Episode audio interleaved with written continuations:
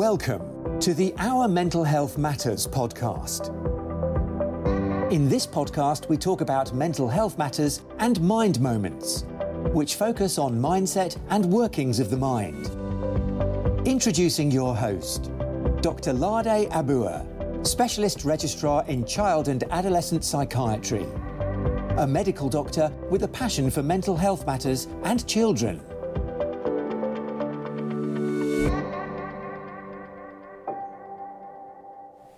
Hi everyone, it's Ladia here. Welcome to our Mental Health Matters podcast. Today I will be talking about ADHD in adults. Um, I'm going to talk about ADHD in adults because ADHD uh, in adults could be slightly different um, to presentation in children and adolescents. So the symptoms of ADHD are more difficult to define in adulthood. And um, ADHD being a developmental disorder um, means it couldn't just have developed in adulthood. So it would have started off from childhood. And the same principle applies as the one that applies in children, where we uh, state that the symptoms have to have been apparent before the age of six. So, uh, not all the symptoms in of ADHD tend to extend into adulthood. So for ADHD, the three core symptoms are overactivity or hyperactivity, whichever way you choose to define it, impulsiveness and inattentiveness. So with ADHD in adult, the overactivity tends to get less. And um, there's uh, the impulsivity, the inattention, poor concentration, a lot of risk, risk take, taking can get worse. And um, the other uh, additional problems or conditions experienced by children who have ADHD, um, as as we've talked about previously in the ADHD episodes for children, like depression or you know anxiety, uh, also tend to occur in adults as well. So generally, these patterns of behavior should have been evident from childhood where um, there's the overactivity, the, you know, the child can get easily distracted, cannot stick to a task for a certain length of time, really impulsive, doing things on the spur of the moment without, you know, thinking things through, being unable to concentrate on things or uh, being inattentive when instructions are being given. So, in uh, in with the the adult symptoms of ADHD, they can be more subtle than uh, the childhood symptoms, as we as we have suggested. A variety of examples, um, as um, we would see in adults, will be carelessness, lack of attention to detail, continually starting new tasks before finishing old ones, poor organizational skills, inability to focus or prioritize things, uh, being really forgetful, uh, losing things easily, misplacing things several times, being on edge, uh, being, you know, quite fidgety, um, blurting out responses, and not waiting uh, to, you know, being really impatient with uh, taking turns, and um, in, in impatience, extreme uh, impatience, and um, also uh, we we have um, the the risk taking, which can get worse in adulthood as well. The other thing to note is the feelings of low self esteem can also still occur in adulthood.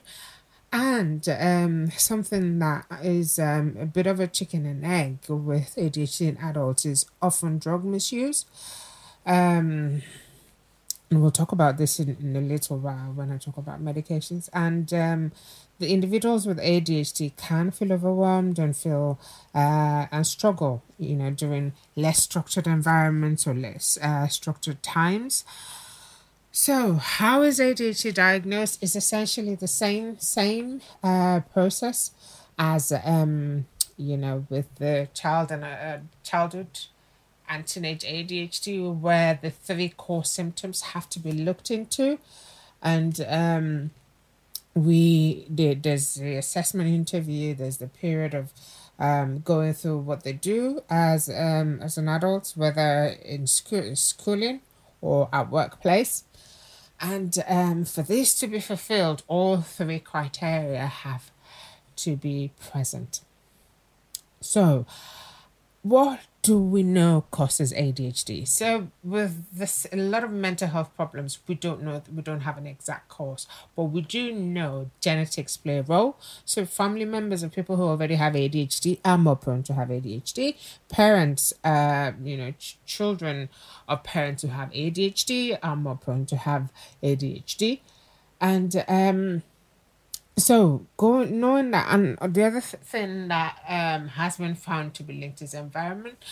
So, going on then to how can a ADHD in adulthood be managed?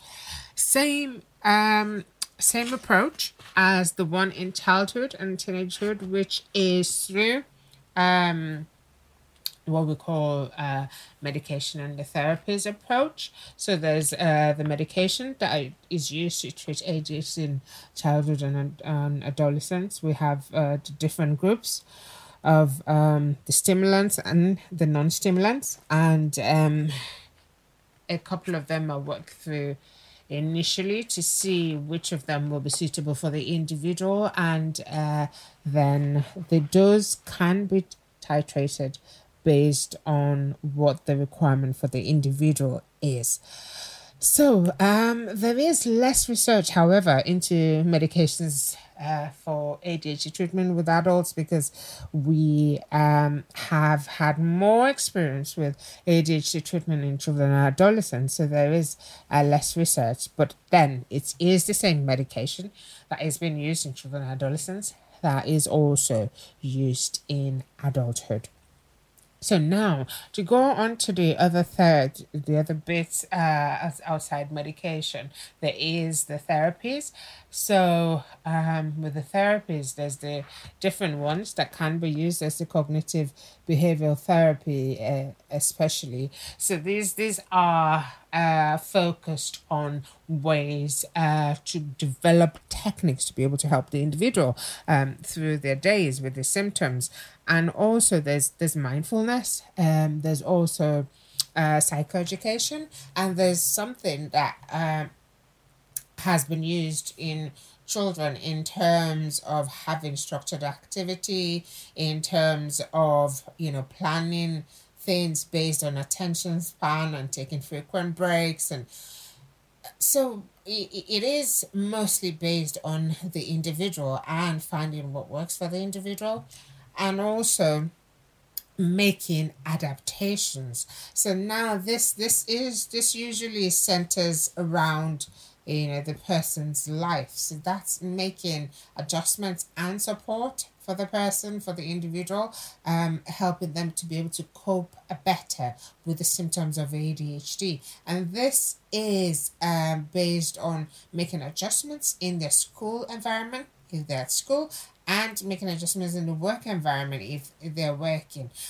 This would also involve seeking help from others who are you know able to understand ADHD better and um you know uh, getting the support from them example will be um communities or ADHD support groups so essentially as I said earlier, it's a bit of a chicken and egg in terms of drug misuse with adults who have ADHD. Some have reported that they, you know they use the uh, drugs to um, help treat the ADHD, while some uh, have, you know, reported that maybe the drug use is probably, um, you know, what could have made the ADHD worse and, you know, not the, the other way around. However, what we do know is combining um, drugs with ADHD medications usually don't um, get the best out of the treatment. So it's usually better when on medication treatment to uh, seek help for the drug use and um, have this looked into. So what are the other what are the tips um that we can uh, adults can do to to help themselves? So a, a number of things really. The key thing though is ADHD affects individuals in different to, to different degrees and, in, and intensities and um, it, knowing how the ADHD affects you as an individual is usually key because for some people, some of the core symptoms will be more prominent than the others. And depending on the environment you're based in, school or work, um, you know, you will know which of the symptoms is is um worse or is that is, is that more risk for you uh, in terms of your environment? So it is key to know how the ADHD, ADHD affects you and your environment and then seek help you know to combat or deal with these um, symptoms outside the medication and the therapies for the workplace or the school place. Also very importantly, it is impo- uh, it is essential to get good information on ADHD. As I said, uh, ADHD in adults does not really have a lot of um, a, lot of material or research out there, but there yeah there are um, uh, you know materials and groups out there for ADHD in adults. Um, if you look through one of our past episodes, we did talk about ADHD.